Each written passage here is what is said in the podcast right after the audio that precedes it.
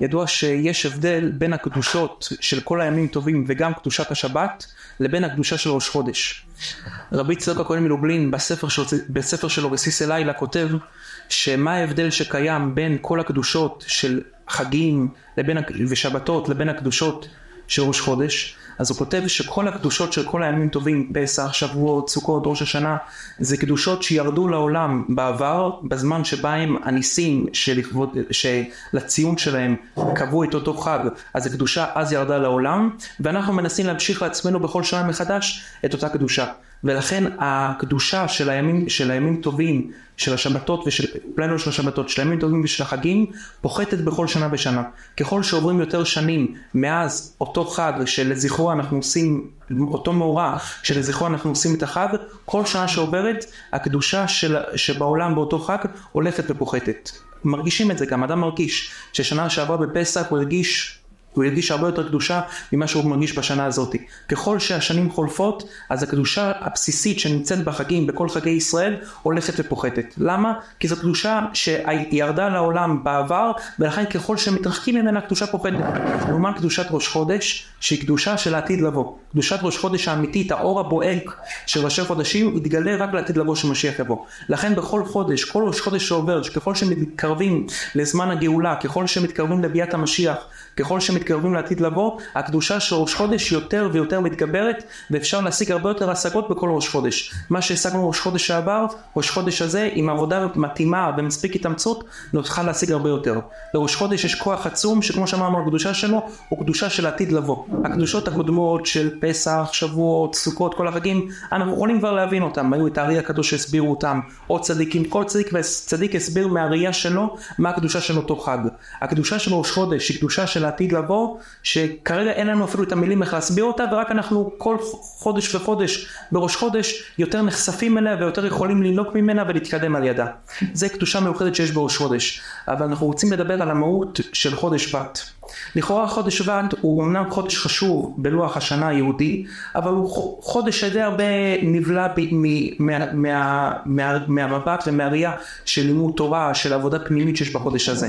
יש חודשים שיש בהם הרבה יותר עבודה פנימית והרבה יותר דברים שאפשר לעשות. חג הפסח, 30 יום קודם לכן, דורשים בהלכות הפסח, לומדים, מתכונן, לומדים לכבוד פסח, מתכוננים, יש את ההלכות, יש את הדרושים, יש את העבודה הפנימית שכל אחד צריך לעשות, ביאור החמץ מקרבו, אין סוף עבודות צריך לעשות לקראת חודש ניסן. חודש תשרי, אה, המלאכת, אה, המלאכת השם בראש השנה, אה, מחילת חטאים ב, ביום הכיפורים, חג הסוכות, חג השמחה, כל חודש יש אין סוף עבודות פנימיות שכל אחד צריך לעבוד ואין סוף תורות שאנחנו יכולים ללמוד על המהות ועל הדברים שצריכים לעשות באותו חודש. מה המהות של חודש שבט? אז כמו שאמרנו חודש שבט אמנם יש בו את ראש השנה לאילנות שלדת בית שמאי זה באלף בשבט ולדת בית הלל בט"ו בשבט, אבל עדיין מה העבודה הפנימית שלנו שאנחנו צריכים לעבוד ש... לעבוד על עצמנו בחודש הזה בעיקר, והתובנות שאנחנו צריכים לקחת איתנו לכל השנה הבאה. כל חודש יורדת בו איזושהי קדושה מסוימת, יורד בו איזה כוח מסוים, איזושהי אנרגיה מסוימת שמתהלכת איתנו במשך כל השנה, אם אנחנו מספיק חכמים להיות כלי קיבול ולהכיל אותה בתוכנו וליצור אותה ולעקור אותה, אנחנו יכולים להשתמש בה ועל ידה להתמודד עם כל מיני מצבים בחיים שהכוח לא, לעמוד באותם מצבים מגיע בראש, בראש חודש בעיקר ובחודש חודש כולו. אז מה העבודה של חודש שבט. אז חודש שבט כתוב ש... כמו שאמרנו חודש, אה, בחודש שבט חל ראש שנה לאילן ואנחנו יודעים שהאדם עץ השדה כן? כך כתוב בספר דברים כי אדם עץ השדה האדם נמשל לעץ כן? העץ בהרבה תכונות שלו בהרבה מרכיבים שלו מזכיר את האדם. למה העץ הוא מזכיר דווקא את האדם? אז אפשר לבאר ולומר שכל החודשים, למרות שהם חודשים מאוד מופלאים וחשובים, ויש בהם עבודות השם נעלות ביותר, כמו שאמרנו, הרבה יותר כנראה בחודש שבט. אין בחודש שבט יום שבו שופטים ממלאכה, יום שיש בו קדושה מסוימת, יום שאומרים בו הלל, אה, מוסר, אין את כל הדברים האלו. אבל יש בחודש שבט דבר מיוחד שנוגע בעצם האדם עצמו. כל שאר החגים למרות המיוחדויות שלהם והקדושות והמעלון שלהם הם חגים שנוגעים בכל מיני תחומים ו... ורצונות מסוימים שקיימים באדם שמקיפים אותו, שנלווים ממנו, אבל לא בליבת האדם, לא במה שהאדם עצמו. ידוע שלמרות שאדם מורכב מהרבה מאוד חוכמות והרבה מאוד מחשבות והרבה מאוד רצונות, כל הדברים הם דברים שנלווים לאדם. אדם נולד, אדם לא באמת, אין לו רצון להיות חכם, הוא לא מבין למה טוב להיות חכם וגם אין לו שום חוכמה באותו רגע שהוא בא לעולם. במשך החיים כשאדם מתבגר אדם מבין שבשביל להצליח בחיים, בשביל לא להיכשל, בשביל להגיע לדברים גדולים הוא צריך חוכמה והוא לא רואה איך אחרים גדולים ממנו קונים את החוכמה לכן הוא מנסה לעבור חוכמה ככל יכולתו, הוא הולך לבית ספר, ישיבה, אוניברסיטה, כל אחד על פי דרכו מנסה לקנות חוכמה. אדם כל אדם מאיתנו רוצה רווח כלכלי, הוא רוצה עושר. אדם כשהוא נולד לעולם, הוא לא מרגיש את זה, לא, זה לא בוער לו בעצמותיו, הוא לא מיד רץ להשיג את זה. האדם מבין שדברים טובים שהוא רוצה, הוא יכול להשיג אותם רק על ידי ממון, לכן הוא משתדל להשיג ממון. כל הדברים, כל הרצונות, כל התוואים שיש באדם, למרות שהם תוואים מאוד חשובים, שזה בעיקר מה שאדם שם לב אליהם, וזה מה שבעיקר כשאנשים חיצוניים צופים על האדם, הם רואים שזה מה שהוא רוצה, זה לא הרצון האמיתי של האדם, זה לא הרצון הפנימי של האדם. מה באמת הרצון הרצון הפנימי של האדם, מה באמת הכוח המניע את כל הרצונות של האדם, את כל התשוקות של האדם, את כל הכיסופים של האדם, את כל מה שאדם חולם עליו, רוצה אותו, שואף אליו, מה באמת הכוח שמביא את כל האנרגיה של האדם לקום בבוקר, לעשות, ללכת. יש דבר אחד שהוא מניע את כל הרצונות של, של האדם. ומה זה? זה מה שכל אדם רוצה שיהיה לו טוב. כל אדם רוצה שיהיה לו טוב. ומזה נובע כל הרצונות של האדם. אדם יסכם את כל הרצונות שיש בו, ירשום על דף כל דבר ודבר שהוא רוצה בחיים, כל דבר שהוא שאף אליו, כל דבר שהוא ביקש להשיג אותו, כל דבר שהוא מוכן להתאמץ כל כך הרבה בשבילו, זה הרצון שיהיה לאדם טוב. אדם, ש... תינוק שמגיע לעולם, משהו כן יודע שהוא רוצה שיהיה לו טוב. הוא פוחד מקור, למה? כי הוא יודע שקור זה לא טוב. הוא פוחד מרעב, למה? כי הוא יודע שרעב זה לא טוב לו. הדבר הכי בסיסי שעליו אנחנו יכולים בעצם להשתית ולתלות את כל הרצונות האחרים שיש באדם, זה הרצון שכל אחד רוצה שיהיה לו טוב בחיים. והחודש הזה, חודש שבט, זה החודש של המהות, של הרצון הפנימי ביותר של האדם, שמוליד את כל הרצונות האחרים. איזה? הרצון של כל אחד לעונג ולטוב. יש ספר קדום, שהוא כנראה הספר היהודי הקדום ביותר בעולם, נקרא ספר היצירה. יש טוענים שאדם הראשון כתב אותו, יש טוענים שאברהם אבינו כתב אותו, יש מאחרים אותו בהרבה ואומרים שרבי עקיבא כתב אותו, אבל זה בטוח הספר הראשון היהודי התורני שמראה את דרך השם הראשון שנכתב בעולם. ושם בספר היצירה, כמו שידוע לכולם, זה ספר כתוב המתכונת שהייתה לקדוש ברוך הוא בבריאת העולם. במה הקדוש ברוך הוא, על פי איזה כלים, על פי איזה כללים, הקדוש ברוך הוא ברא את העולם. ובכל מערכת ומערכת בעולם הספר הזה מתעסק. כשהספר הזה מגיע למערכת הזמן, אז הסדר מחלק את כל החודשים, כל חודש לחוש, לחוש מסוים. לא רק לארבעת, לחמשת החושים הידועים לנו, אלא לשם עשרה חושים מאוד רחבים, הליכה, מישוש, עוד חושים. החוש שהוא כנגד חודש שבט זה חוש העונג. הרצון של כל אדם להתענג, הרצון של כל אדם שיהיה לו טוב, החוש הזה מתגבר ביותר בחודש שבט. בחודש שבט אדם מרגיש תשוקה ורצון שהכי הרבה יהיה טוב, אדם רוצה לבלוע את כל העולם, אדם רוצה את כל הטוב שבעולם שיהיה בו, וזה גם מסוכן, וגם בחודש הזה יש לאדם את הסייעתא דשמיא, את היכולת להשליט על עצמו משטר, וגם בדברים שהוא רוצה, שהוא רושק בהם, להשתמש בהם בצורה נכונה ולא להנהיג את עצמו ולגרום לעונג ולשמחה ולטוב עצמי ברצון לא מבוקר, לא מושלט, לא, לא נשלט ולא טוב. זה, זה האימהות של חודש שבט, כמו שספר יצרה כותב, החוש של כל אדם, הרצון של כל אדם לעונג. ואם כן בחודש הזה גם אדם יכול ללמוד איך באמת להתנהג עם הרצון הזה שהוא המניע והבסיס לכל הרצונות שיהיה לו טוב, איך לנהוג איתו בצורה בריאה, בצורה טובה שלא חייבת תביא לו אחרית רעה ולא טובה.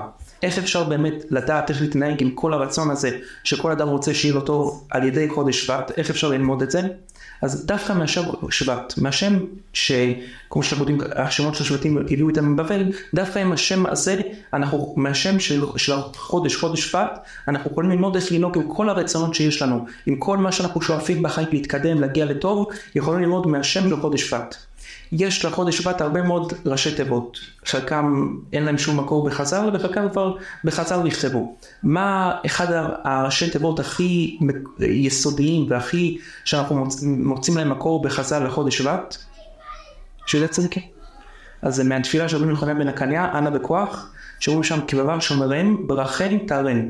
שומרם ברכם תארם. כתוב שזה הרשת, אחד מהראשי תיבות של חודש שבט. שומרם ברכם תארם. שלושת הבקשות האלו שמבקשים מהקדוש ברוך הוא בתפילת אנה בכוח, הם מרכיבים בעצם את הראשי תיבות של חודש שבט והם מסמנים את כל החודש כולו. איך הראשי תיבות האלה שומרם ברכם תארם יכולים ללמד אותנו איך להתנהג בצורה נכונה ומבוקרת עם כל הנאה והנאה שאנחנו רוצים ליהנות ממנה בחיים, שלא תהיה חלילה הנאה שמשתלטת עלינו, הנאה עוצרת אותנו מכל החיים הרגילים, הנאה שכובלת אותנו ולא, לא, ולא אנחנו לא מנהיגים אותה אלא היא מנהיגה, מנהיגה אותנו, על ידי שלושת הדרגות האלה של שומרם ברכם תערם. כל הנאה שאדם רואה שהוא יכול ליהנות ממנה, כל פוטנציאל שאדם רואה שיכול להיות לו טוב ממנו, הדבר הראשון שאדם צריך להסתכל זה שיש שומרם, שיש איזושהי שמירה, שהוא לא מיד יכול ליהנות מהטוב הזה, שלא מיד זה אושר והנאה וטוב שמגיע לו, לו מדי בצורה קלה. מדי בצורה שהוא לוקח, לוקח את זה ומיד נהנה. כל הנאה שאדם רוצה לדעת אם היא טובה לו, בין מבחינה רוחנית, שהוא חלילה יאבד מעלות רוחניות על ידה, או בין מבחינה גשמית, שחלילה לא יצטער עליה, אחרי זה יש הרבה הנאות שטובות לשעתן, ואחרי זה אדם מצטער מהן. איך אדם יכול ללמוד אם היא הנאה טובה לו או לא, שאומרים, האם יש איזושהי שמירה שלזמן מסוים מונעת ממנו את ההנאה הזאתי. כמו כל דבר שהקדוש ברוך הוא עשה בעולם. הקדוש ברוך הוא נתן בעולם פירות, אז יש קליפה. כל דבר בעולם הקדוש ברוך הוא עשה תקופה של חיסרון, תקופה של, של, של אי יכולת להגיע לאותה הנאה, רק אחרי זה ההנאה הזאת. הנאה כזאת, טוב כזה, שאדם בא, שיש לה שמירה, שבהתחלה אדם צריך להימנע ממנה, ורק אחרי התאמצות מסוימת אדם יכול להגיע לאותה הנאה, דווקא היא הנאה אמיתית. דווקא היא הנאה שאדם יכול להשיג ממנה גם דברים רוחניים וגם דברים גשמיים. יש את זה באינסוף דוגמאות בדברי הספרים, בחז"ל, הרבי צדוק כהן מלובלין כותב בשם המאה השילוח, שאנחנו רואים את זה מהדבר הכי בסיסי. ומה כולנו חיים? מגשם, גשם זה הדבר הכי בסיסי שבלעדיו אף אחד לא יכול להתקיים. גשם, מה קודם לגשם?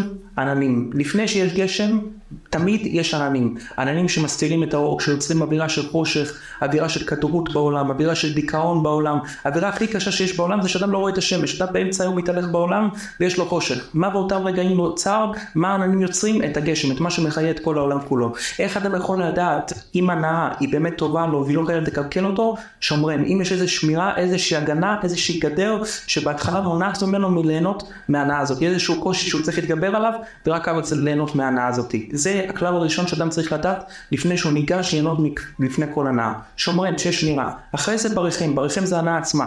היום מקובל לחשוב שברכה זה, זה משאלה, זה בקשה, זה הבעת רצון שיהיה ברכה שיהיה טוב. אבל לא, ברכה זה באמת הדבר עצמו שהוא טוב. ברכה זה עצם הטוב הוא נקרא ברכה. אז לפני הברכה צריך שומרן. ואחרי זה תערם, אדם צריך לחשוב במחשבה רחוקה, שאחרי אותה הנאה באמת יהיה לו טהרה. שבאמת הוא ירגיש שון עם עצמו, שהוא יהיה טהור, שהוא יהיה זך, שהוא לא יכול להשחית את המידות שלו, שהוא לא יהפך להיות אכזרי, שהוא לא יהפך להיות רע לבריות, שלא יתרחק מהקדוש ברוך הוא. אלו שלושת הדרגות שאדם צריך לשים לנגד עיניו בכל הנאה והנאה שהוא רואה בחיים. שומרים שבאמת יש שמירה קודם אותה הנאה, ברכם ההנאה עצמו, ואחרי זה תארם, שבאמת אחרי המעשה הוא גם ישמח, הוא גם ירגיש טוב עם עצמו, וגם ירגיש טהור וזך ונקי. זה הדבר הראשון שאנחנו יכולים ללמוד מהשם של חודש שבט. גם לעבודה רוקשות וגם לעבודה רוחנית. אבל עוד דבר שאנחנו יכולים ללמוד מהעבודה של חודש שבט, ובייחוד בעבודה רוחנית, זה גם המאוד משמעות שיש לצורה שבה החודש, השם שבט נכתב, וט', שגם זה יכול להיקרן כשבט.